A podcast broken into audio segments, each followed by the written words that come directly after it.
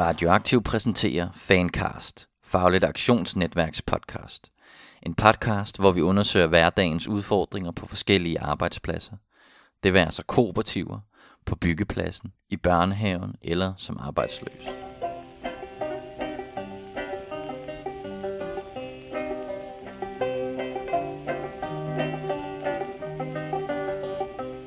Velkommen til Fancast. I denne podcast taler vi ikke med politikere, eksperter, chefer, pundits eller the usual suspects. Nej, vi taler med dem, som ikke står forrest i køen til mikrofonerne, og dem, som de ting, vi taler om, angår. Det gælder ikke mindst for dagens emne. Vi skal nemlig tale om kontanthjælpssystemet i Danmark. Jeg hedder David, og jeg er medlem af Fagligt Aktionsnetværk, og jeg taler med Halam og Katarina, som begge bor i København og er ramt af kontanthjælpsloftet.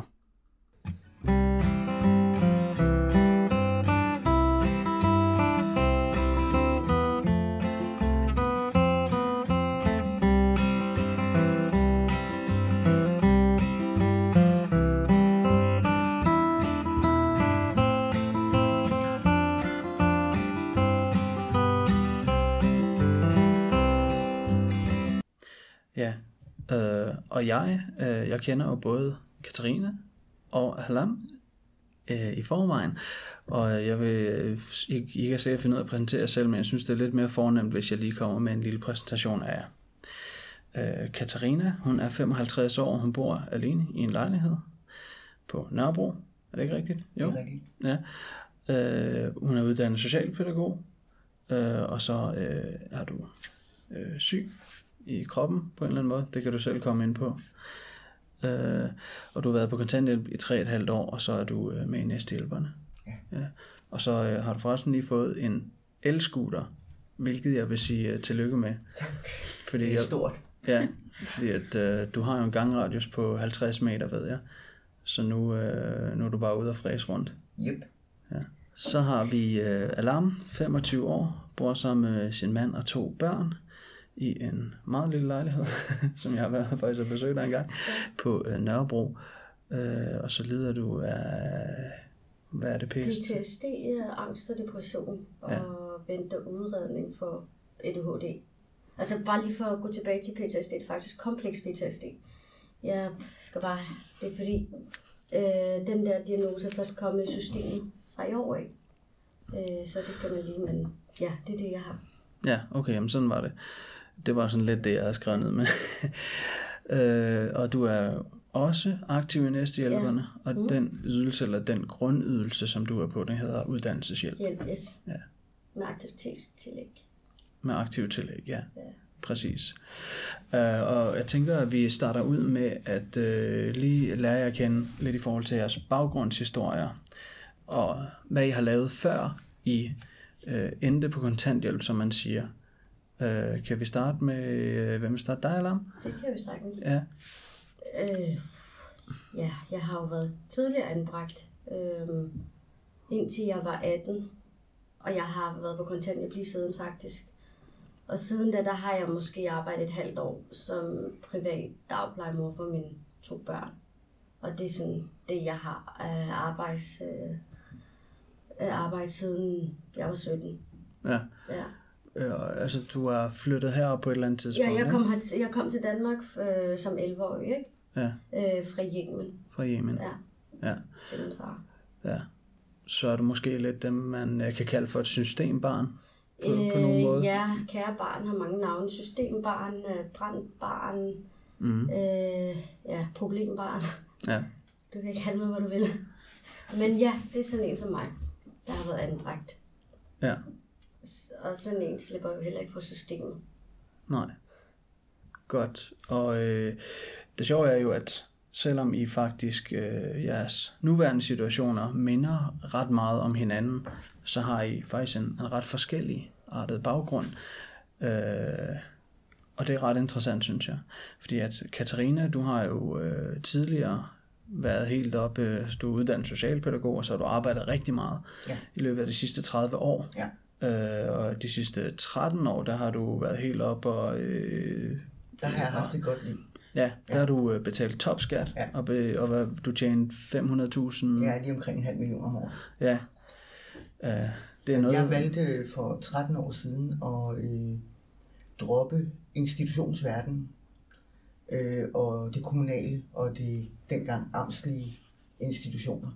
Og det valgte jeg, fordi jeg ville gerne arbejde som pædagog, og ikke bruge min tid på administrative opgaver.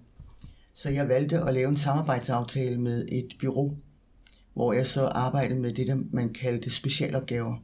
Det vil sige, at jeg arbejdede med familier, som havde forskellige problematikker. Det kunne være, at de var indlagt, eller inde under det at skulle være, man skulle måske undersøge deres forældreevne, eller de havde måske fået et handicappet barn, der skulle integreres i familien. Og så øh, kontaktede kommunerne byrådet for at finde en egnet kandidat til familien, og så arbejdede jeg. Den korteste tid, jeg arbejdede med en familie, har været syv måneder. Den længste har været fem og et halvt år. Så det er ret fast arbejde. Men, men det er på nogle andre vilkår, end hvis man arbejder for kommunen. Fordi i, på det private arbejdsmarked, der er der nogle andre vilkår. Man får øh, for det første sin, sit arbejde betalt, og man får supervision hver uge. Det gør man ikke altid i det offentlige. Så, øh, så der valgte jeg at skibe en fast stilling ud med et samarbejde med et bureau. Og det gav altså den højere løn. Ja, så skal de sige, altså, jeg kender jo lidt til jeres historie i forvejen, mm. også fordi jeg har også været lidt aktiv i Næstehjælperne, øh, og har mødt jer der igen. Um, og jeg synes, at øh, din historie på det her område, Katarina, er simpelthen øh, virkelig bemærkelsesværdig. Fordi at du går fra at betale topskat, og så ned på 132.000. en kombination, i, i sådan en, en, en helt øh, fantastisk øh, kombination af de forskellige reformer, eller de forskellige reformers indvirkning på de forskellige ydelser, så dropper du simpelthen duk, duk, ned igennem systemet, og så lander du bare lynhurtigt på kontanthjælp. Så jeg går fra ikke... det ene til det andet ja. med, det, med det samme. Ja. Altså, øh, jeg... Du bliver syg. Kan jeg du bliver syg. fortælle os først? Jo, altså jeg får lidt ondt i ryggen. Ja. Og tænker, at det skal jeg lige have en blokade for, fordi jeg skal altså på arbejde. Øh, jeg er ikke den, der har gået til læge. Så da jeg endelig dukker op hos lægen, synes lægen jo så samtidig også, at det måske var en god idé at få taget nogle blodprøver, så vi kunne finde ud af, hvordan jeg har det. Hvor til jeg siger, at jeg har det faktisk rigtig godt. Øh, så det synes jeg ikke, der er nogen grund til. Jeg skal bare have en blokade, fordi jeg skal sådan set på arbejde i eftermiddag. det får jeg ikke. Men jeg får taget en masse blodprøver og bliver ringet op næste morgen og får at vide, at jeg skal faktisk komme igen, fordi jeg har sådan set sukkersyge. Øh, og så øh, er der en hel masse ting, der går i gang, og en masse spørgsmål, man skal svare på, og det viser sig så, at jeg har i nogle år rendt rundt med det, som man kalder en senskade. Det vil sige, at jeg kan faktisk ikke mærke mine fødder i dag. Ja. Øh, og det er ikke en, en skade, man kan rette op på. Øh, og den gør i mit tilfælde vanvittigt ondt. Altså, jeg får nogle meget krasbørstige øh, smertestillende i dag. Men i første omgang, så bliver jeg jo sygemeldt, fordi jeg, altså man, får, man har slet ikke tid til at gå på arbejde, når man først bliver syg. Fordi så skal man jo til alle mulige mærkelige undersøgelser øh, på hospitaler og alt muligt. Øhm, og jeg tænkte, jamen så må jeg jo sygemelde mig. Og kontakter så sygedagpengekontoret. Mm. Og får at vide, at jeg skal fremsende 26 ugers sammenhængende lønsedler. Fordi når man arbejder for et bureau, så har man ikke en ansættelseskontrakt. Man har en samarbejdsaftale. Det er jeg havde og det her, det er, det her det er så det, man kalder for sygedagpenge. Ja. Det er ligesom den første ja. sats, du ja. som arbejdsløs prøver på at øh, søge om. Nej, det er, når du bliver syg. Ja, det er rigtigt. Ja. Det, ja, det er, når man bliver syg fra sit arbejde. Ja. Men det er ligesom den, eftersom at du ikke sygemelder dig, øh, eller undskyld, eftersom at du ikke melder dig som arbejdsløs, mm. men bare som syg, så er det mm. syg dagpenge, ja, du satser præcis. på at få først, ja. ikke? som du har ret til. Øh, jeg blev eller. syg i starten af sommeren, og øh, jeg har altid holdt ferie i december, januar, fordi jeg valgte at tage til besøg, på besøg i USA til min familie der. Øh, det betød så, at jeg faktisk kun kunne fremvise 24 uger sammenhængende øh, lønsedler øh, på lige omkring en halv million om året, det var sagen uvedkommende. Det var fuldstændig ligegyldigt. Det var de 24 uger. I hvert fald her i København er det sådan. Det behøver ikke at være sådan over hele landet, fordi det er noget, man kan dispensere fra. Men øh, de fik medhold. Jeg ankede afgørelsen, og de fik medhold. Det betød så, at jeg ikke kunne få noget hjælp. Nå, og understøttelse, jeg var jo ikke ledig, jeg var syg. Så øh, jeg øh, var ikke klar over, at jeg skulle opsige mit samarbejde og søge A-kasse. Nej.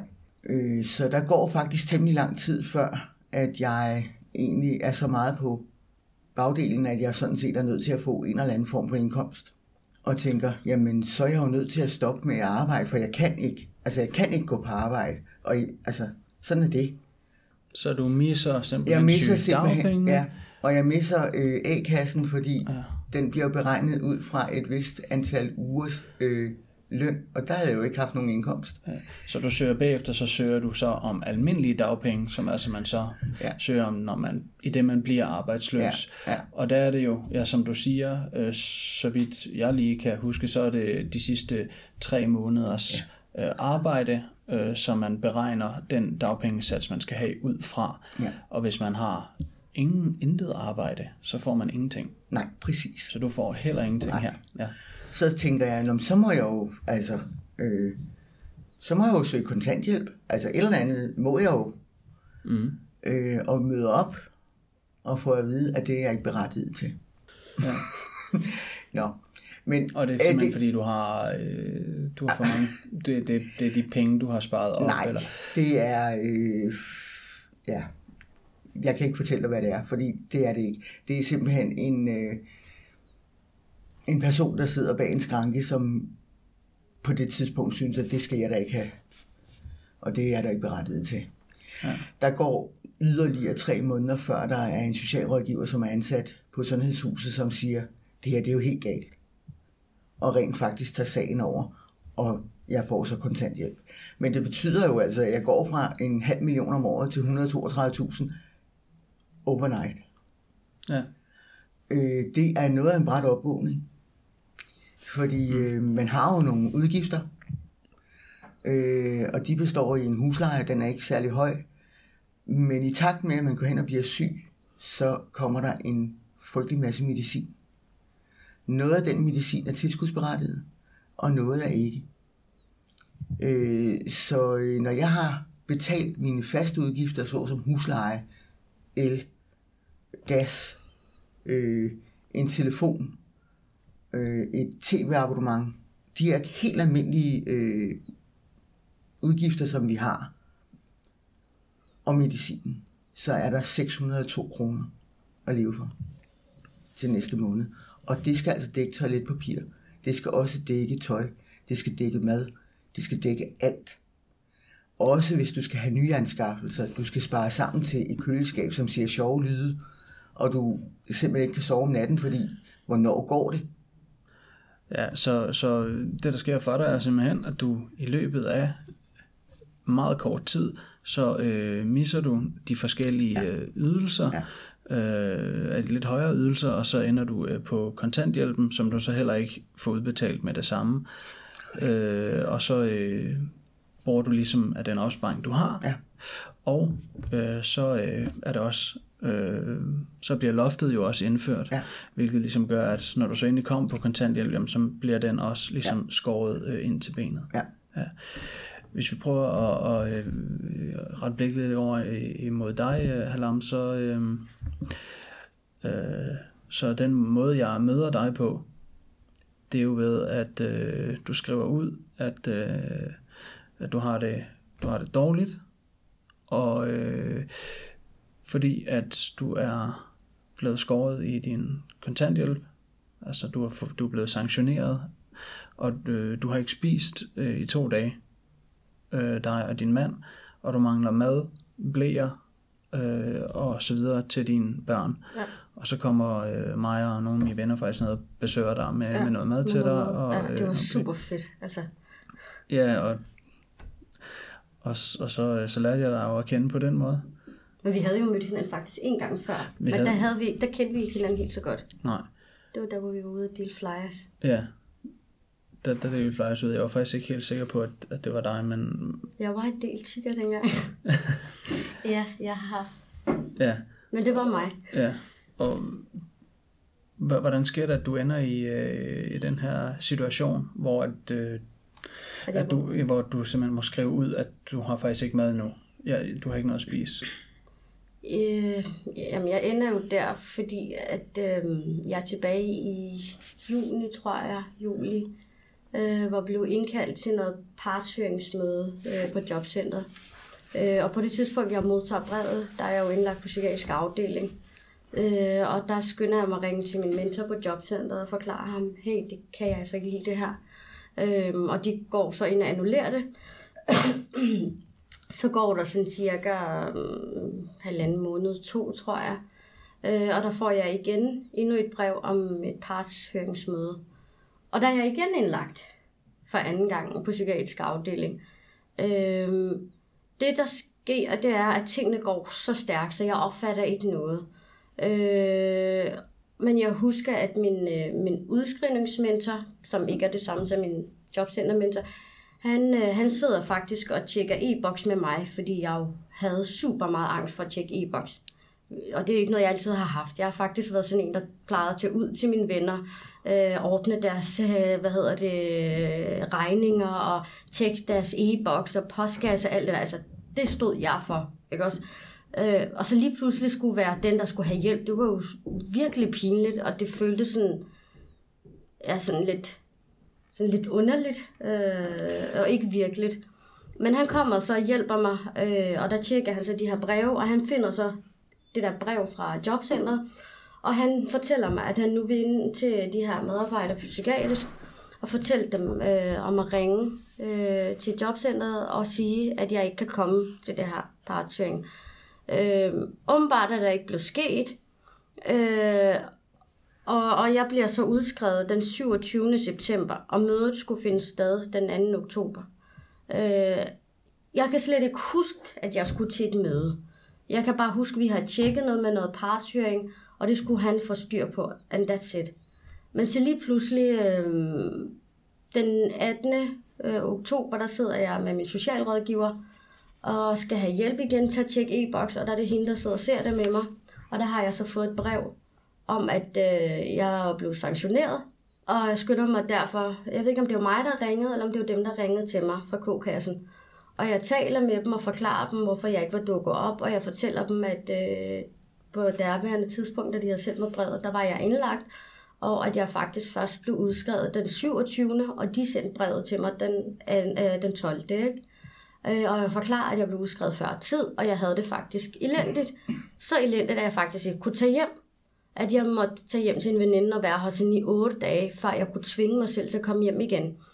Øh, og forklare så, at jeg ikke har tjekket e-boks, og jeg faktisk bare øh, har brugt overskud energi på at overleve. Øh, og så siger hun, ja okay, og nu har hun hørt min forklaring, og så spørger jeg hende, hvad så bliver min kontanthjælp taget?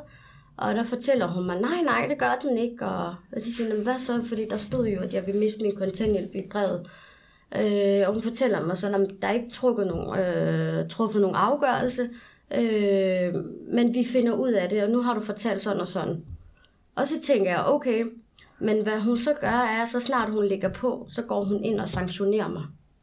Øh, jeg har et, øh, hendes samtale på lydfil, ikke? Øh, men hun går ind og sanktionerer mig. Og det, det, det, ved, det ved jeg ikke på det tidspunkt.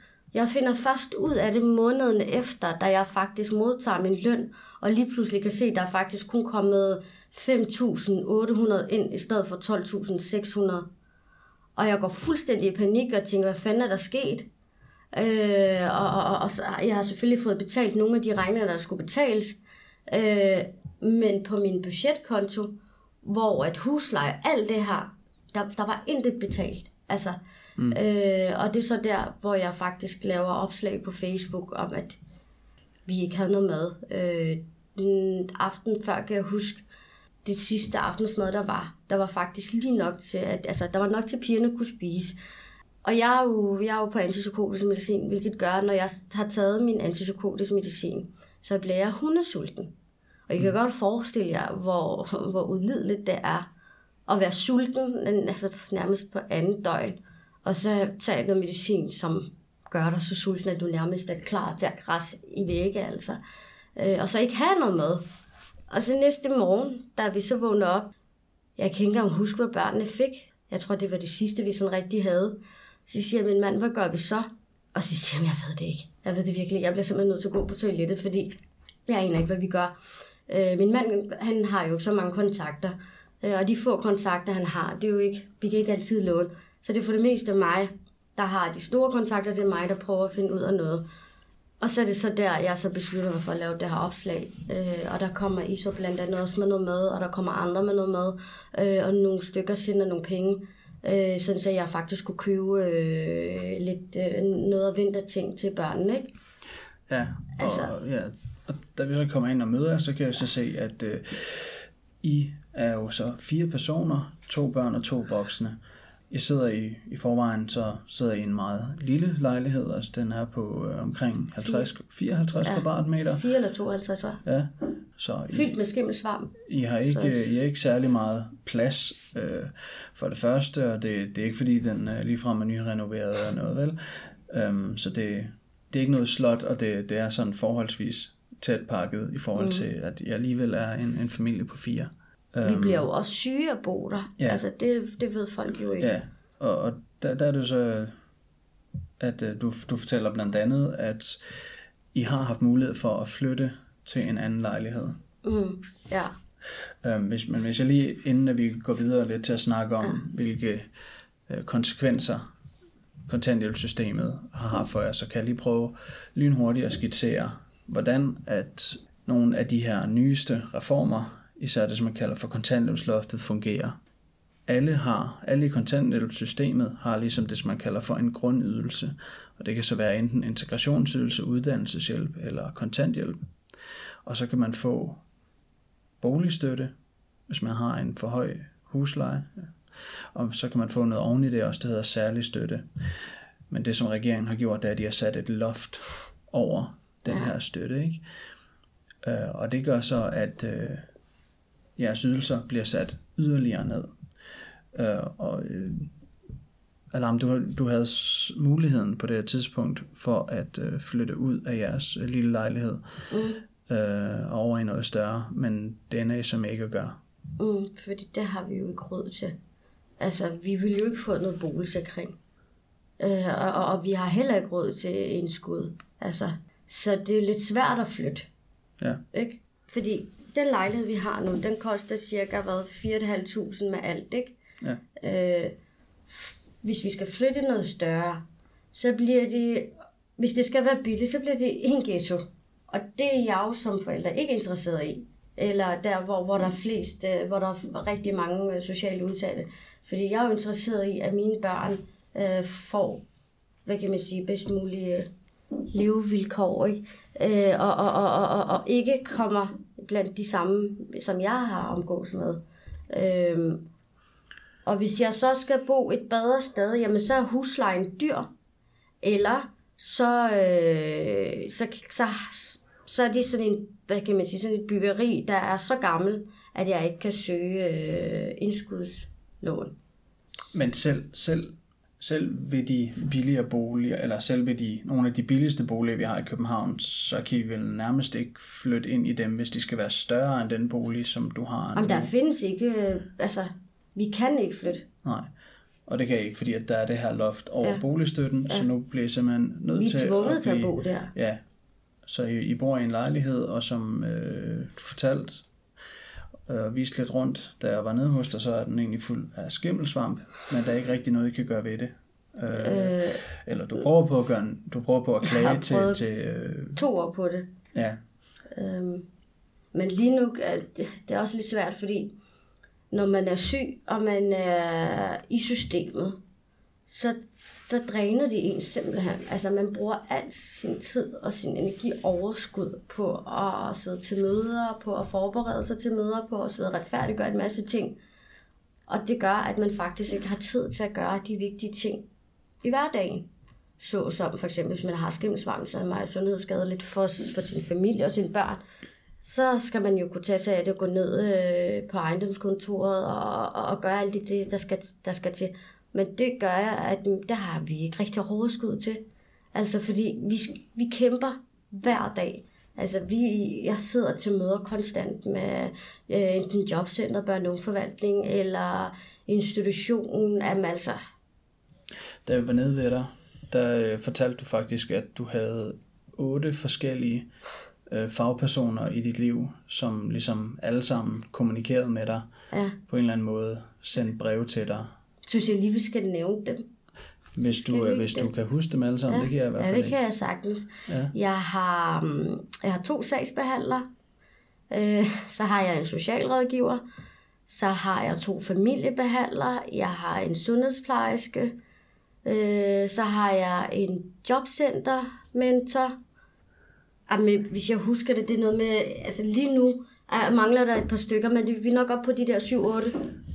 Og ved du hvad, så skal, jeg skal huske alle de her mennesker, alle de møder, jeg skal have med dem, hver eneste gang skal jeg huske. Altså, og hver møde, altså op til hver møde skal jeg sidde og forberede mig, og, og, efter hver møde, så skal jeg sidde og redegøre for en masse, masse ting, øh, hvilket dræner en.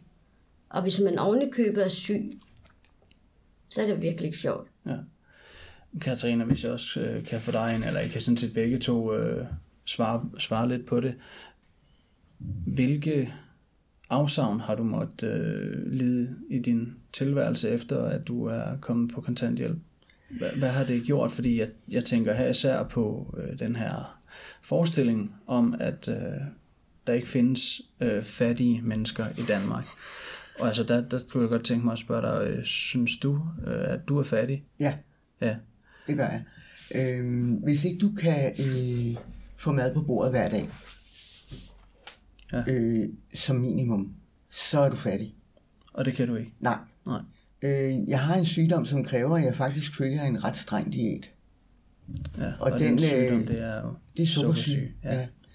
ja. Øh, og helst skulle jeg jo spise 5 til seks måltider om dagen. Det gør jeg ikke. Jeg spiser fem måltider om ugen. Det er, det er facts. Altså, der er ikke til, til mad mere end til fem dage. Hvis jeg er heldig og kan komme ind og få noget, noget overskudsmad fra Næstehjælper Caféen, ja. så, Det er så, hver torsdag, ja, der uddeler næsthjælperne noget mad. Ja. ja. så, så kan jeg godt få et enkelt måltid hver dag. Men det gør jeg ikke. Og det hænger lidt sammen med øh, ens egen selvopfattelse. Det, har, det er så svært, og man føler sig så ydmyget. Og øh, altså indtil for nylig har jeg jo så ligesom også haft det svært ved at komme rundt. Indtil Københavns Kommune rent faktisk øh, var i stand til at se, jamen det nyttede jo ikke noget, at man ikke kunne komme nogen steder. Og jeg har så i, i dag fået en, en, øh, en kommuneejet elscooter. Det vil sige, at jeg har ikke selv skulle betale noget, fordi man godt er klar over, at det er en vej, funktionsnedsættelse, som gør, at jeg har brug for øh, et hjælpemiddel til at kunne komme rundt. ja. Du har meget svært ved at bevæge dig i det Ja. hele taget, ikke? Jo. Altså, og Altså, har smerter. Ja, jeg har øh, mange smerter i mine fødder, og jeg kan ikke mærke mine fødder. Det betyder også noget i forhold til min balance. Altså, øh, beder du mig om at stå op og lukke øjnene, så falder jeg. Fordi jeg har ikke balancen i fødderne. Men, men øh, jo, jeg er fattig, og det er jeg øh, øh, økonomisk fattig, vil jeg sige. Ja. Ja. Og øh, det giver sig så igen, øh, kan, kan du prøve øh, måske øh, og, øh, og, og, og lige, lige forklare sådan, hvor- hvordan er det, at dit øh, budget hænger sammen? Øh, Fordi det, det er sådan noget af det, som selv sådan en som mig, sådan en øh, venstreorienteret Mm. øh, person, som, øh, som, som ellers øh, ser sig selv som en, der er meget im- imod for eksempel kontanthjælpsloftet og nedskæringerne og aktivlinjen og den måde, man behandler arbejdsløse på i det hele taget. Jamen, før jeg blev aktiv i næstehjælperne og kom ud og besøgte jer og, sådan, og virkelig sådan med, med bæreposer, med mad i hånden, jamen altså, så havde jeg faktisk svært ved øh, helt at forholde mig til, at, øh, at det faktisk var sådan i Danmark, at der var øh, fattigdom, eller i hvert fald den form for fattigdom. Mm. Fordi tidligere, der har man jo talt meget om øh, fattigdom, altså sådan en relativ fattigdom, ikke? Altså man ikke kan, øh, man har ikke råd til at betale det helt rigtige tøj til sine børn, eller der, der er sådan en forskel på folk og indkomst, men det, ja. som vi taler om her, er jo sådan en, en, en absolut fattigdom. Ja. Altså det er en fattigdom, der gør, at I ikke har råd til ja. basale ting som mad altså, og varme. Når det er, at du er enlig på kontanthjælp, så har du omkring 85 til et par 90 om, om måneden, ikke? altså 100. Du har et sted med omkring, lad os sige 9.000 kroner om måneden. Af dem skal du betale din husleje, du skal betale el, du skal betale gas, du skal betale telefon. Øh, I dag er det nødvendigt, at man har et internet, fordi som vi snakker om, al kommunikation med forvaltninger er via e-boks. Jeg har aldrig været angst for e-boks. I dag kaster jeg op, når jeg ser, der ligger noget på Københavns Kommune i e-boks. Fordi det er som regel altid forbundet med noget, der ikke er rart. Så det skal man have. Altså det, det, det kræver det her samfund. Øh, du skal logge ind på Jobnet øh, hver uge. Du skal søge minimum to jobs om ugen, hvilket jo er fantastisk, især i taget betragtning af, at du ikke kan påtage dig arbejde, hvis du nu skulle få det. Mm. Øh, det er så noget andet. Men, men øh, der er nogle helt faste øh, ting, der skal betales. og så er der så for mit vedkommende sådan, at jamen, der er medicin. Det er altså en udgift. Og det er en udgift, som jeg skal have. Altså, det er altså, noget, du bruger mange penge på. Jeg bruger rigtig mange penge på, på medicin. Øh, så når, når de ting er taget... Og det er ikke fordi, du køber det dyreste, der er Nej, ja, nej, nej, nej, nej, nej, nej. Men, nej. men øh, jeg får nogle krasbørstige øh, ting, og de koster. Og øh, hvis du ligesom skal pleje det helbred og ikke øh, forværre din situation, ja, så er du altså nødt til at tage den medicin. Og det ender så op med, at der så er 602 kroner tilbage. Ja. Og, og der er ikke noget, der kan skæres af. Nej. Altså, jeg har ikke øh, månedskort til busser eller noget. Altså, skal jeg nogle steder, øh, før jeg fik min elskutter, jamen, så er det bare ærgerligt. Øh, så kom jeg ikke nogen steder, medmindre der var nogen, der kunne køre mig. Ja, og som sagt, du, du har en gangradius på 50 meter, ja. så hvis du ikke øh, har råd til transport, så sidder du simpelthen fast ja. i din lejlighed. Ja, det gør jeg. Øh, men samtidig, så, øh, øh, ja, så har du, du har skåret alt det væk, som du ja. kan, mere eller mindre. Ikke? Ja. Du, du har ingen forsikring. Nej. Så det er simpelthen bare de grundlæggende regninger, ja. du betaler, ja. og efter det, så har du de 602 ja. kroner tilbage. Ja. Øh, og ja, dem bruger du altså primært på, på mad. ja, altså, jeg var også nødt til at købe noget shampoo og noget tandpasta, og jeg er også nødt til at købe noget toiletpapir. Øh, men jeg har ikke købt et stykke tøj i... Ja. Jeg kan heller ikke huske det. Jeg får dem gratis. Tre et halvt år, tror jeg. Ja. Har jeg ikke købt et stykke tøj. Det passer ikke. Jeg fandt faktisk en bluse til 19 kroner i Wish. Så jeg har købt et stykke tøj. Ja, det, det synes jeg, det er måske lige... Ja, jeg synes også selv, altså jeg var ret stolt af mig selv, fordi, ja. altså, det kan godt, jeg ved godt, det lyder fuldstændig latterligt, 19 kroner. Ja. Altså for fanden, det som jeg har om måneden nu, det brugte jeg tidligere på et enkelt cafébesøg med min veninde, ikke? Altså, ja. jamen, det er der, vi er ude. Altså, øh, det er helt latterligt, men mm. jeg skulle faktisk overveje det mere end en gang, før jeg gjorde det. Ja. Fordi 19 kroner, det kunne jeg jo altså både få en pakke toiletpapir, og jeg ville også kunne få noget aftensmad. Mm-hmm. For de 19 kroner. Jeg tror aldrig nogensinde, jeg i mit liv har været så god til at finde tilbud, som jeg er nu. Jeg køber ikke noget som helst spiseligt, medmindre det er på dato. Øh, fordi hvis jeg ikke gør det på den måde, så kan jeg slet, slet ikke få det til at hænge sammen. Altså. Øh, ja, og så igen, altså det, det lyder sådan ja, lidt, lidt utroligt selv, selv for mig. Jeg er studerende, så det er ja. ikke fordi, jeg har mange penge overhovedet, Nej. men stadigvæk så har jeg da øh, så sent som i går øh, købt øh, noget mad ude i byen, som ja. jeg lige tog på, på dankortet, som man siger. Øh, så jeg har da, jeg har ja. da lidt, øh, men der er simpelthen bare intet at komme Nej, efter. det er der ikke. Ja. Altså, og, og, og sådan er virkeligheden bare blevet. Ja. Øhm.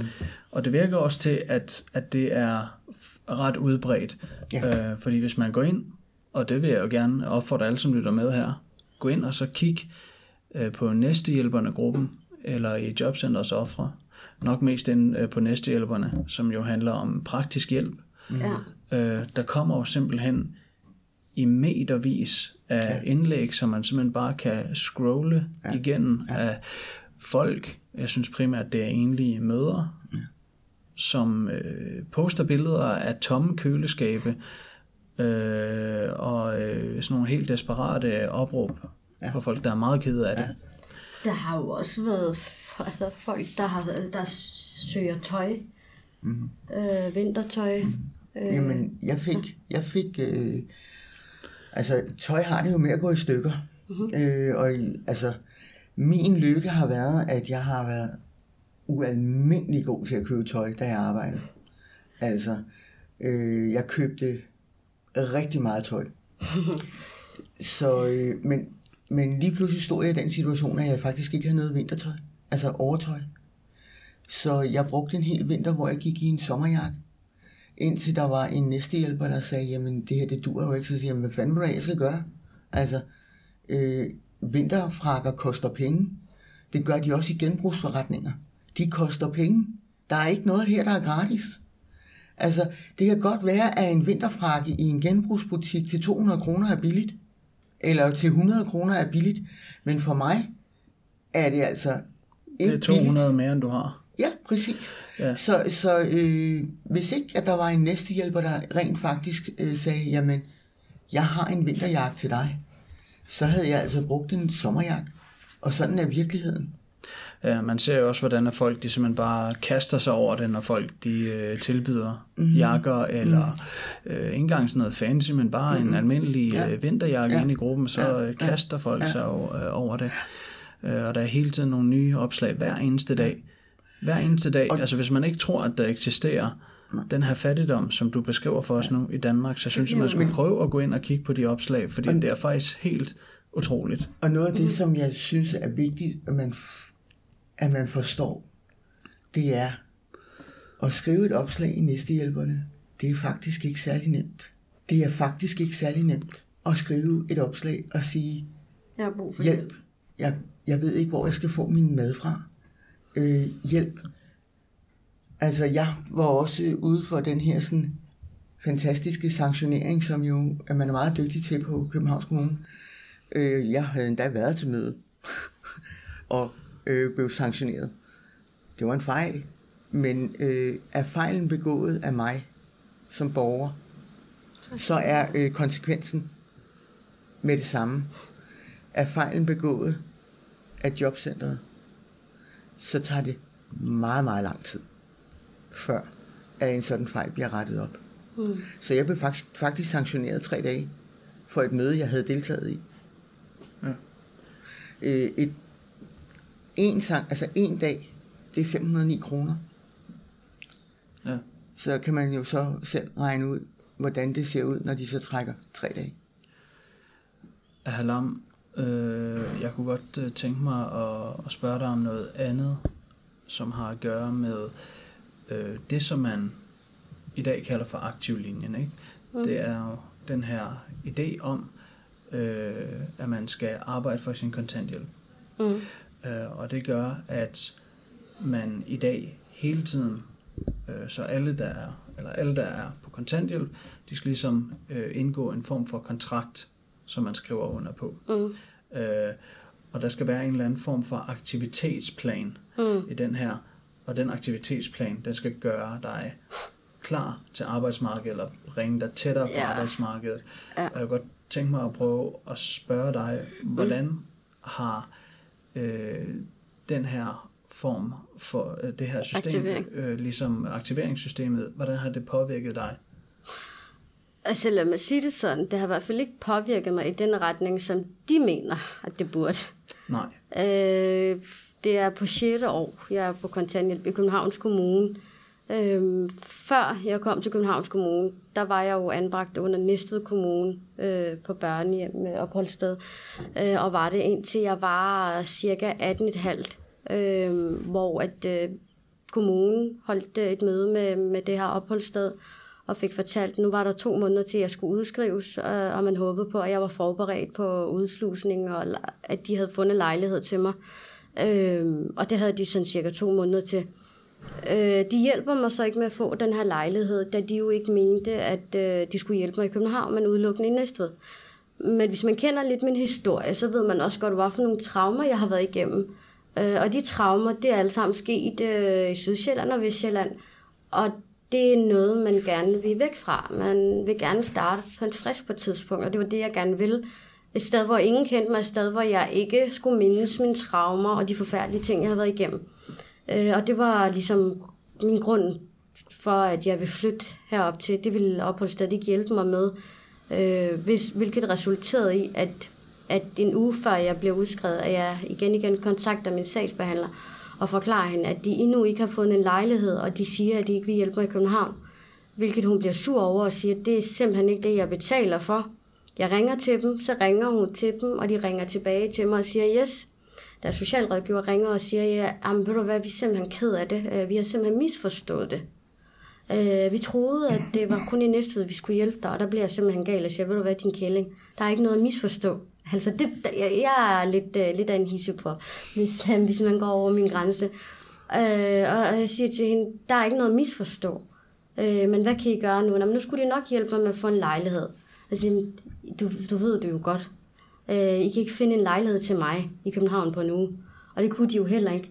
Uh, det har jo ligesom kastet mig ud i hjemløs. Øh, altså, jeg var jo hjemløs øh, fra, ja, fra 18,5 indtil jeg fødte min datter øh, i 2014. Det vil sige cirka to år næsten, hvor jeg, hvor jeg var hjemløs. Øh, hvor jeg boede rundt omkring hos folk, var so, sofa-sover, ikke? Øh, og, og undervejs så møder jeg så min mand. Øh, og han havde heller ikke noget lejlighed. Han boede hos øh, hans søster og vi kunne ligesom ikke bo sammen. Og det eneste sted, vi ligesom, ligesom kunne være sammen, det var udenfor. Øh, ja, så du har altså, man kan sige, du, du, har, du har været rigtig meget igennem, igennem ja. hele vejen fra, øh, da du flyttede fra, fra Yemen, til du blev anbragt, ja til at du øh, flyttede fra øh, Næstved, til Næstved og så ja. videre, så du, du har virkelig en, en, en bagage med her, og du har nogle psykiske men mm. efter det, som har udmyndtet sig i nogle øh, diagnoser. Mm. Øh, jeg er ikke sådan helt ekspert på de psykologiske diagnoser, mm. men, men i hvert fald så, øh, så har du talt lidt om, hvordan at det, det virkelig hele, den, hele det her med, at du hele tiden skal være aktiv, og at du ligesom hele tiden skal leve op til noget, at der mm. hele tiden er, er risiko for, at du bliver sanktioneret, ja. det har ligesom en, en negativ effekt på din psyke i virkeligheden. Det mm. hjælper dig ikke. Nej, altså, øh, det er jo ikke første gang, at øh, man har taget mine penge jo. Altså allerede i starten øh, af forløbet i Københavns Kommune, der har jeg jo allerede prøvet at få taget mine penge, blive sendt til alt mulige aktiveringer, som faktisk forværrede min tilstand. På det tidspunkt øh, fortalte jeg jobcentret, at jeg faktisk led af, af angst. Øh, jeg havde ikke fået min diagnose PTSD endnu. Øh, og fortæller dem, hvor, hvor skidt jeg endelig får det for hver gang, uden at der bliver lyttet til mig. Øh, og jeg ender som at faktisk øh, blive øh, sygemeldt allerede da jeg er to måneder hen i graviditeten med depression. Øh, fordi jeg simpelthen ikke kom udenfor i tre uger. Øh, bare solen gjorde mig deprimeret. Ja, det eneste, jeg levede af, det var knækbrød og rejeost. Altså, jeg havde det så dårligt. Øh, og det blev bare værre, fordi så snart jeg havde født, og bare sådan var slut, så igen, så var jagten i gang, ikke? Og så sad man der og tænkte, hvordan kunne man undslippe det, ikke også? Øh, og så endte jeg med at blive gravid, og det var ligesom det, der blev løsningen på, at jeg bare lige kunne få lidt fred. Fordi når du er på barsel, så hører du ikke noget fra dem. Øh, men så snart barsen er slut, så er du på igen. Øh, og der valgte jeg så øh, at arbejde som privat dagplejemor hjemmefra, hvor jeg i virkeligheden helst gerne ville have, at børnene var i institution, så jeg kunne få hvilet mig. Men jeg så det som den eneste øh, udvej for at slippe fra for jobcentret på, ikke? Ja, så altså, jobcentret, og det, at de, når de sender noget til dig, sådan, så begynder hele den her nervøsitet. Ja, mit hjerte banker. Og, øh, ja, du får, øh, hvad det, man kalder det for? Øh, angstanfald nærmest. Ja, altså hjertebanken, øh, hjertebanken. jeg kan ikke trække vejret. Øh, jeg kan mærke, altså jeg bliver irriteret, jeg kan ikke... Øh, Og bare det mindste, jeg, jeg, jeg bliver sur, fordi jeg, jeg render rundt og er bekymret, men samtidig tør jeg heller ikke gå ind og tjekke, fordi fuck, hvad nu det, der ligger, hvad, hvad, hvad er det, der ligger for noget? Man er jo bange for at se det, der ligger. Øh, altså, Ja, så det du har brug for, det er, i- det er i højere grad, at man prøver på virkelig at tage et kig på dig, tage hånd om dig og prøve Ja. på at respektere de diagnoser, Ja. som du har, og prøve på at arbejde med dig og de ting, som du har brug for, for ligesom at komme over det her, Ja. for at få det bedre. Ja. Og hele den her, alt det her med, at du skal være aktiv hele tiden, og vise, mm. at du er aktiv, det er virkelig med til bare at, at virkelig bare sådan lægge endnu mere pres på dig. Ja, det forværrer jo ligesom også mine, mine diagnoser, ikke? Efter jeg kom i Københavns Kommune, så har jeg været indlagt seks gange på fire år, altså. Fire gange, og det var på i sommer. Altså fire gange var jeg indlagt bare i sommer sidste år. Øhm, jeg har tabt fire... Nej, nu er vi nok op på de der 26 kilo siden i sommer. Jeg har ikke rigtig haft lagt så meget mærke til. Jeg har haft ADHD. Nu kan jeg godt mærke, nu er jeg slet ikke i tvivl om det. Øh, og jeg kan bare mærke, at mine diagnoser de bliver bare forværret. Og jeg kan bare se, at det kommer ikke til at få mig tættere på arbejdsmarkedet. Og som jeg også siger til dem, altså, de vil gerne have mig i, ar- ind på arbejdsmarkedet. Men jeg vil gerne på arbejdsmarkedet mere, end de vil have mig på det, ikke også? Øh, altså, fordi jeg har taget, øh, jeg har truffet et valg som, hvad kan man sige, som 9-årig. Altså, hvilken 9-årig i Danmark træffer et valg om at flytte 3.000 km hjemmefra øh, til et fremmed land, fordi at hun vil forsørge sin familie. Jeg kender ikke særlig mange 9-årige i Danmark, der har den tankegang, fordi det er de ikke tvunget til, altså. Men det var jeg jo tvunget til. Ja. Og det er det, jeg er kommet hertil for. Og jeg vil gerne i arbejde, jeg vil gerne i uddannelse. Og så kræver det for, så, at jeg får den, den hjælp, jeg har brug for. Ja, og bare, bare lige sådan op, øh, for at opklare, altså det, det, når du siger, at du vil egentlig gerne mere på arbejdsmarkedet, end de vil have, jamen altså, så er det jo fordi, at de vil jo bare gerne have, de vil bare gerne skubbe dig frem imod et eller andet arbejde. De vil gerne have, at du skal øh, øh, bare tage et deltidsarbejde ja. eller sådan noget. Det er nogle af de her Ja. incitamenter, Ja. som er indbygget i kontanthjælpsreformen fra 1. Ja. oktober 2016. Ja. Øh, men det du siger er, at du har virkelig brug for at få det bedre, så du øh, rent faktisk kan tage en uddannelse og, og komme ordentligt ind på arbejdsmarkedet, er det ikke sådan?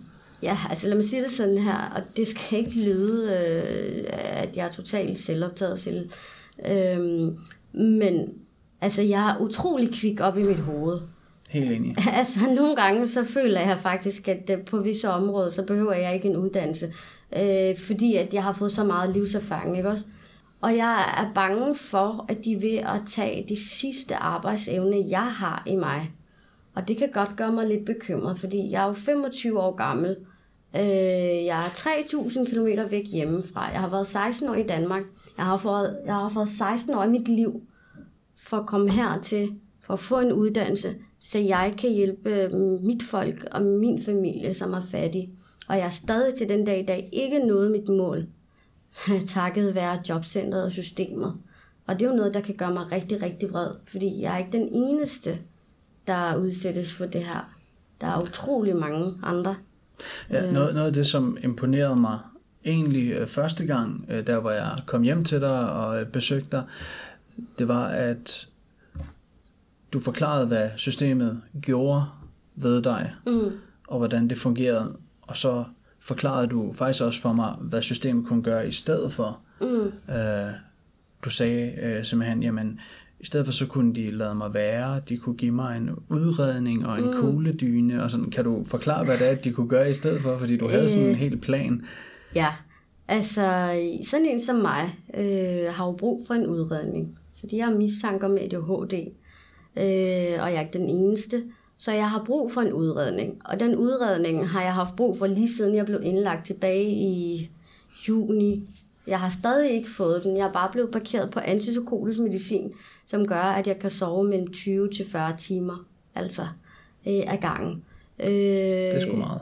Oh ja, det gør så, at øh, hvis jeg for eksempel har et møde på jobcentret, som tit og ofte er der før klokken 12, så dukker jeg ikke op. Jeg har lige mistet, øh, mistet en, øh, en, en, jobcenter, øh, sådan en samtale på jobcenter, øh, hvor jeg skulle have mødt ind klokken 12, hvor jeg først vågner halv tre, og fuldstændig i panik skynder mig at ringe til min sagsbehandler og sige til ham, at jeg lige vågnet op, og det ene og det andet, og, øh, og jeg siger til ham, øh, for, forklarer ham, at jeg er på det medicin, og det ved de jo godt, men der er ikke en eneste af dem, der forsøger at gøre noget, vel? Altså, jeg har to familiebehandlere, jeg har alverdens fagfolk. Men så i stedet for, så kunne man i stedet for, så kunne, kunne de øh, gøre hvad? De altså, kunne have givet mig en udredning, ja. de kunne have hjulpet mig med at få en kugledyne, for det der har jeg ikke råd til. Det har en kontanthjælpsmodtager slet ikke ja. råd til. Og det er fordi, du har...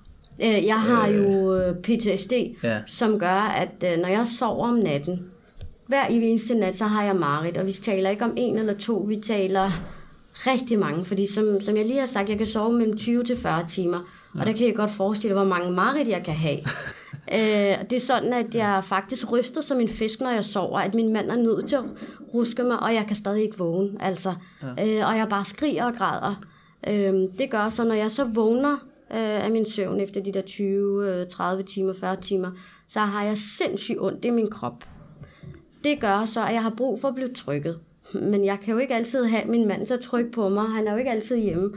Øhm, så der har jeg brug for en kugledyne. Fordi når jeg ligger sådan en på mig, efter de der et kvarter, måske 20 minutter, så har han været øh, ligesom ind og trykke på alle mine øh, punkter. Mm. Og når jeg så tager den af, så har jeg det faktisk bedre. Det har jeg ikke råd til at købe, for sådan en koster mellem de der 4, 4 5, 6.000. Øhm, og brugt, der ligger de 3.000 cirka, ikke? Ja. Øhm, og det har jeg så ikke råd til, så og det er det, jeg har spurgt om hjælp til. Det har jeg ikke fået. Så hvad gør sådan en som mig så? Jamen, så ryger man has.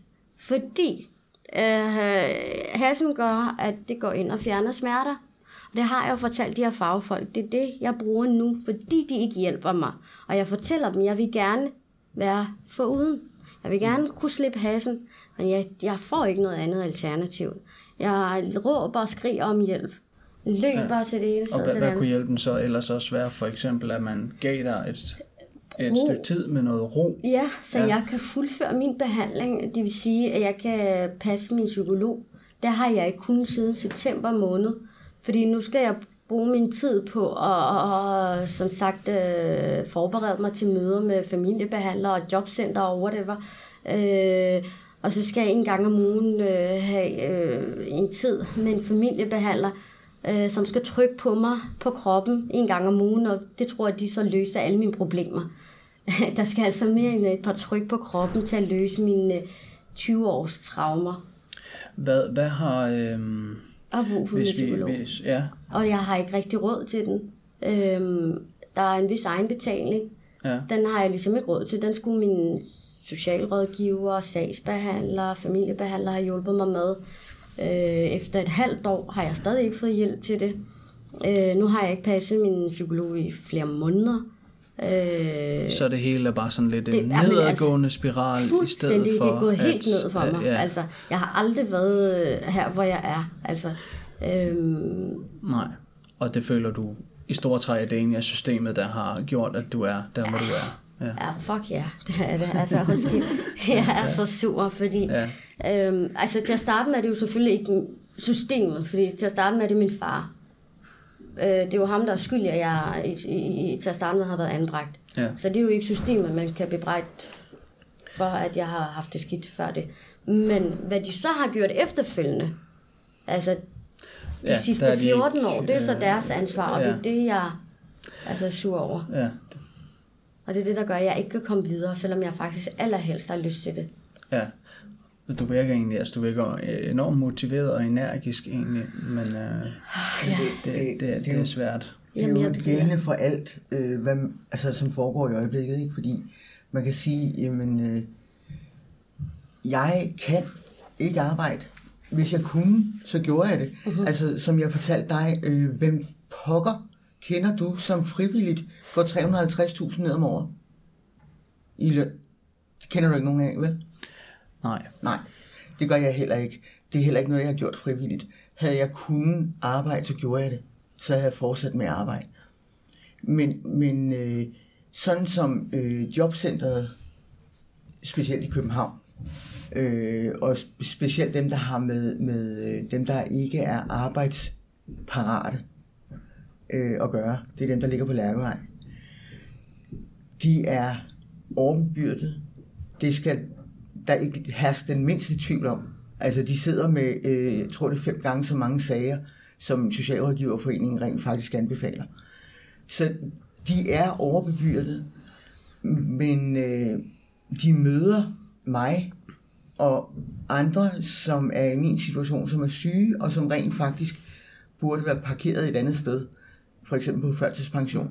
Og det er jo så også... Altså, De det er jo, møder os altså med mistro. Ja, Det er ikke gavnligt for noget samarbejde. nej. Nej. Og øh, det kan godt være, at man får et brev, hvor der står, jamen du kan få øh, en, øh, hvad fanden er det, de skriver? En præmie, en jobpræmie. Nå, Ja, hvis du begynder ja, at arbejde, ja, så kan du ja, få ja. en jobpræmie, så du får 10% yderligere i løn. Jamen, i guder, for, Ja, jeg bliver forstå da- det jeg dog, jeg nok vil da meget, meget det gerne arbejde. Men, Ja. men det ændrer ikke på situationen, at jeg kan ikke. det er jo så også netop øh, altså det er jo så også netop det, ikke? Fordi mm. at øh, hele, hele regeringspolitik mm-hmm. lægger an på, mm-hmm. at man via økonomiske incitamenter, mm-hmm. så kan man få sådan nogen som jer i arbejde. Mm-hmm. Fordi det er simpelthen bare fordi, det er simpelthen bare fordi, at I ikke Det er øh, fordi, jeg synes, lider det er økonomisk afsavn nok. Det er jo okay. egentlig det, de siger.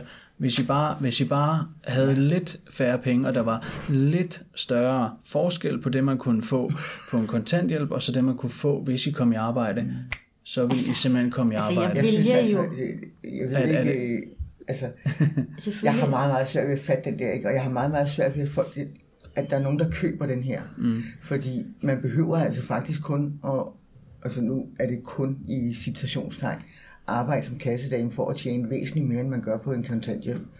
Øh, og som jeg sagde, altså 350.000 om året, det er altså også en chat penge. Ja.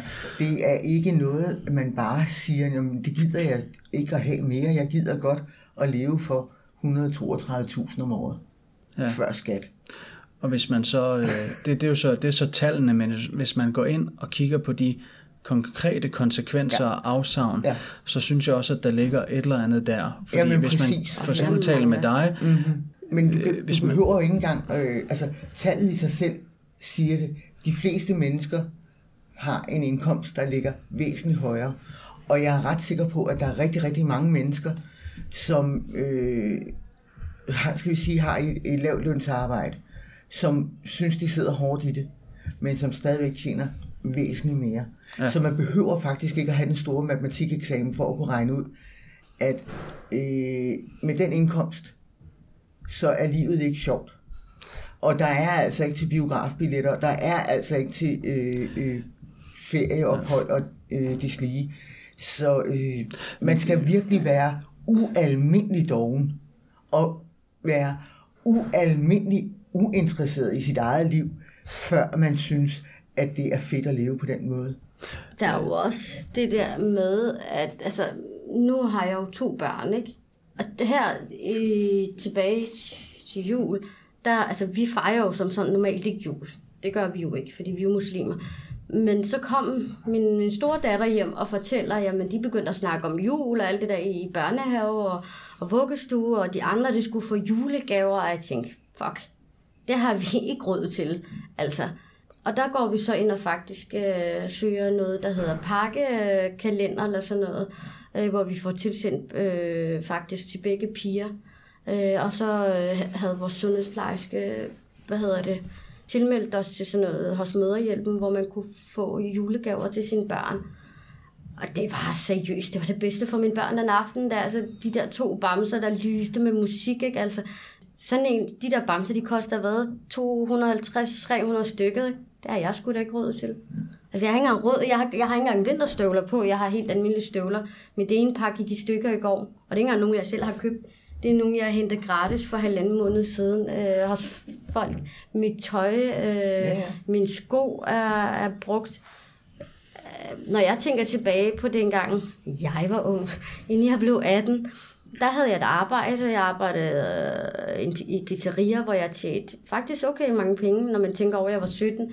Jeg havde cirka 13.000 øh, udbetalt hver måned, som ja. jeg, jeg, jeg skulle ikke bruge det på mad, jeg skulle ikke bruge det på husleje, ingenting. Øh, det eneste, jeg havde brugt det til, det var faktisk tøj og makeup og sko. Og eftersom jeg ikke havde noget familie, så havde jeg bare sådan, jeg kan bruge det på hvad som helst. Jeg gik på café konstant. Det var sådan, når jeg var sammen med mine veninder, og vi var i en tøjbutik, og jeg skulle købe noget, og de fik øje på en fed bluse eller et par fede sko. Så kunne jeg finde på at sige, vil du tage den skat, så betaler jeg. Altså, og så nu at stå her, og fucking ikke engang have råd til at købe sit eget undertøj. Altså, jeg vil også gerne være pæn for min mand. Det kan jeg jo ikke engang. Altså, jeg kan ikke, øh, jeg kan ikke gå ud og købe de fedeste nye bukser i H&M endda i en billig forretning, ikke? Ja. Øh, som er på tilbud. Fordi, jamen, så mangler min datter måske hue, og så mangler hun noget andet. øh, Og så skal man prioritere, ikke? Øh, så skal der betales en regning, og så, altså nu sidder jeg og har ressourcebanken efter mig, jeg sidder i RKI, og jeg sidder i en kasse. Det har jeg aldrig nogensinde prøvet før. Og det er ikke bare fordi, du godt kan lide at sidde øh, i ressourcebanker i en kasse. Overhovedet ikke. Det er kommet af, at jeg har simpelthen været for sød øh, ved et menneske, jeg har mødt på psykiatrisk afdeling under min indlæggelse, øh, som havde brug for nogle briller. Øh, hun havde ikke selv råd til at betale dem, og jeg tager med hende til øh, Louis Jensen, eller hvad fanden det hedder, Ja, okay. og tegner briller i mit navn. Og det er så sådan, jeg er endt i ressourcebank. Okay, okay. Ja, altså i det hele taget, så er, hvad skal man sige, den her fantasi, som regeringen har, er, at hvis vi bare får folk til at lide bare en lille smule mere afsavn, ikke, ikke sådan, at de kommer i problemer eller i fattigdom, øh, men bare en lille smule mere afsavn, jamen, så vil de blive motiveret til at komme i arbejde. Og hvis man kigger på det afsavn, som I beskriver her, og man så for eksempel sammenholder det med det, som man oplever inde i næstehjælperne, der har jeg set folk, som taler om, at de år har en af dem eller nogle andre på kontanthjælp, som de kender, nogle kvinder, har overvejet at prostituere sig selv. Jamen, det er rigtigt. Og da, da der var i Jobcentrets offer, der var øh, sådan en, øh, en, øh, hvad hedder det, en afstemning, og de spurgte, hvor mange har overvejet at øh, begå selvmord. Jamen, det, det er forfærdeligt mange. Og altså, jeg har husket de her tal, fordi ja. at jeg er meget påpasselig med ikke at sige noget, som Ja. ikke er sandt. Mm. Men ud af de 148 kontanthjælpsmodtagere, som stemmer her, så siger 52 af dem, at de har overvejet ja. at begå selvmord. Ja. Øh, fordi de simpelthen er i så desperat en situation, at de kan ikke, som I, I beskriver, I, kan- I kan hverken komme frem eller tilbage. Nej, øh, det er rigtigt, fordi man bliver, man bliver desperat, og man bliver træt, man er udmattet. Du snakker om at sove meget. Altså, jeg sover til gengæld ingenting. Fordi øh, når jeg lægger mig ned og får at sove, så får jeg tankemylder. Tanker. Og jeg har, altså, mine smerter gider vi ikke snakke om, for de er der 24-7. Mm. Sådan er det. De er der altid. Når jeg sover, når jeg er vågen, altid, så er de der. Øh, men, men tankemylderet øh, omkring den der sådan, økonomiske situation, man er i, det stresser. Så, så det der søvn, det, det får man ikke, vel? Altså, så, så øh, jeg vågner sådan efter tre kvarter eller fem kvarter, så vågner jeg, og så er jeg lige vågen igen i en 20 minutter. Så man bliver udmattet. Man bliver, man bliver fysisk og psykisk udmattet af at, at være presset øh, helt derud hele tiden. Altså, øh, det er jo grotesk, men man går faktisk nogle gange hen og får en sygemelding, der hedder en belastningsreaktion af at være på kontanthjælp mm-hmm. i jobcentret. Altså, det er ikke en, en, det er ikke en stresssituation, du får, fordi du går på arbejde og ikke kan finde ud af at skrue ned. Nej, det er simpelthen en stresssituation, du får af at lave ingenting. Men på grund af pres. Et, et pres, du ikke kan gøre noget ved. Altså, du har jo ikke chancen for at ændre på det selv. altså, det, man bliver, Så, så øh, når, du bliver, når, du bliver, når du bliver presset så meget, og når du så også har børn, øh, det er ofte der, at den går helt galt, så øh, er der ikke ret langt til, at man øh, kaster håndklædet i ringen og siger, jeg kan ikke mere. Ja, og det er, jo, altså Det det, er jo- det er jo så netop alle de her ting omkring øh, overvejelser om selvmord, Ja. overvejelser om prostitution, mm. det at man ikke kan spise, det at man ikke kan købe noget ordentligt tøj, det at ens børn har mm. nogle øh, økonomiske problemer, mm. som virkelig går ind på, mm. det, er, det er det, som regeringen mener, at det foretrækker folk simpelthen, fordi de bare ikke lider afsavn nok. Ja, altså, det er- det- øh, det- det, altså- det, det synes jeg er... Jamen, øh, det, det er meget, altså det er lidt ligesom at lave en køreplan, øh, for Mobia. Der sidder nogen og regner ud, der er x antal kilometer fra A til B. Det tager så lang tid. Det gør det bare ikke i virkeligheden, fordi i virkeligheden er der altså også trafik på gaden. Og der er folk, der skal ud og ind. Altså, øh, det er meget, meget enkelt, hvis der man siger, jamen en husleje, den må ikke være mere end et fantasibeløb, som er 2700. Bor man i København, så ved man godt, at 2700 det er ikke realistisk. Men det er det beløb, der er brugt som udregning for en husleje. Altså, det er jo logik for små høns, at der er ikke nogen, der ønsker at leve på den måde, og det er, der er ikke noget incitament i at presse folk derud, fordi man bruger altså sin energi på at overleve, og ikke på at få det overskud, der skal til, hvis det er, at det er det, der mangler, at gå ud og få et arbejde. Altså for mit vedkommende kræver det, at jeg får nogle nye nerver i mine fødder og mine ben, øh, og så vil jeg gerne arbejde. Øh, ingen tvivl om det, fordi så har jeg ikke de smerter. Øh, jeg gik i lang tid og troede, at jeg skal da bare omskoles, fordi jeg skal da bare have et siddende job. Problemet er bare, at når man har smerter 24-7, kroniske smerter, så mister man også koncentrationen, og man bliver fandens træt. Fordi du bruger en masse energi på smerter.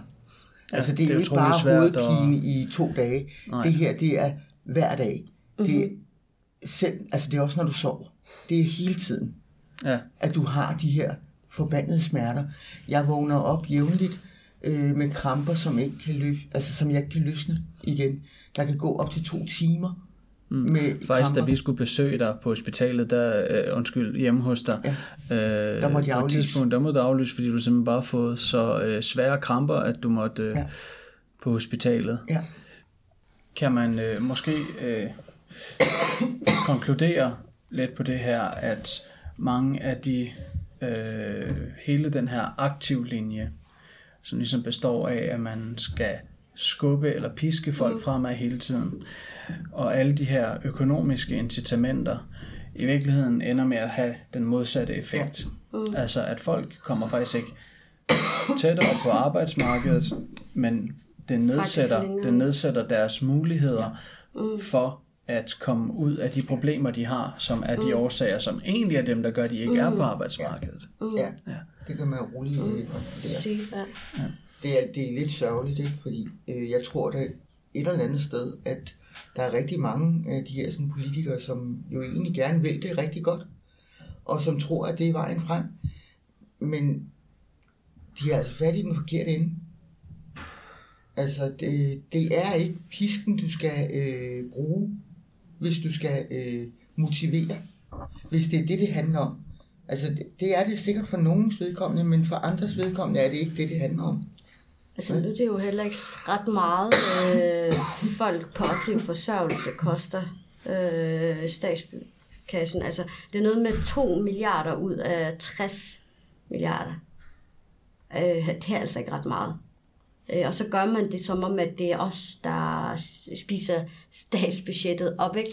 Altså, Altså, jeg helt, kunne- helt fakta. Ikke? Man sparer 300 og et eller andet x antal millioner ved at indføre kontanthjælpsloftet. Ikke? Godt så. Driften, kun driften af Folketinget, er steget med næsten 100 procent inden for 10 år. Og nu stiger Og vores... i år, altså nu koster øh, driften, vi snakker ikke om vedligeholdelse, vi, vi snakker om driften af Folketinget. Ja. Det koster i dag, det koster i dag en, omkring 1 milliard. Det er steget fra 600.000 til 1 milliard. Så øh, det har de fået øh, på kontanthjælpsloftet. Ja, Ja, altså man har jo, altså man gør det jo som om, at vi ikke har nogen penge, ikke også? Øh, Jeg kan huske, hvad er det, 5-6 år siden, hvor Københavns Kommune simpelthen valgte at bruge, var det 1 million kroner på en eller anden latterlig bænk, der kunne lyse og, og, og sige, øh, vise nogle sjove farver, ikke? Og den var Den der ikke rigtig... ikke. Nej, den virkede ikke, og der var ikke rigtig særlig mange, der brugte, ikke? Den, den million, hvad kunne den ikke have gjort for, hvad kan man sige, enlige forældre øh, og hjemløse, øh, altså, og folk på herberg, ikke? Altså, øh, jeg mødte ja. en, øh, som har været hjemløs i 20 år, og fik uh, sin første lejlighed i 20 år for hvad for et par uger siden. Han var simpelthen så glad. Og han havde været tidligere anbragt barn, og altså, det var det helt store, så altså, fordi han var så glad, så skulle han ind og fejre det på Christiania. Fordi en lejlighed efter 20 år, det er altså et mirakel. Øh. Ja, og øhm, jeg tror, at øh, jeg tror, vi vil runde af her. Øh, og øh, vi har snakket i rigtig lang tid, øh, hvilket jeg også regnede med, at vi kom til, fordi at øh, jeg vidste jo, at øh, I begge to havde rigtig meget at sige. Øhm, så jeg vil, jeg vil sige tusind tak, fordi at I kom og delte den her historie med os. Tak fordi vi måtte være med. Ja, ja. det er vigtigt. Ja, det er meget vigtigt. Det er en fed mulighed at få. Altså, jeg synes, det er super vigtigt, at her på Danmark øh, vågner op. Mm. Øh, som jeg sagde øh, meget tidligt, var der nogen, der havde fortalt mig det her for fem år siden, så havde jeg sagt, at de er fyldt med løgn. Øh, men virkeligheden er bare sådan, at i dag har vi reel fattigdom uh-huh. i mhm. Danmark. Og det er fattigdom skabt af vores folkevalgte. thank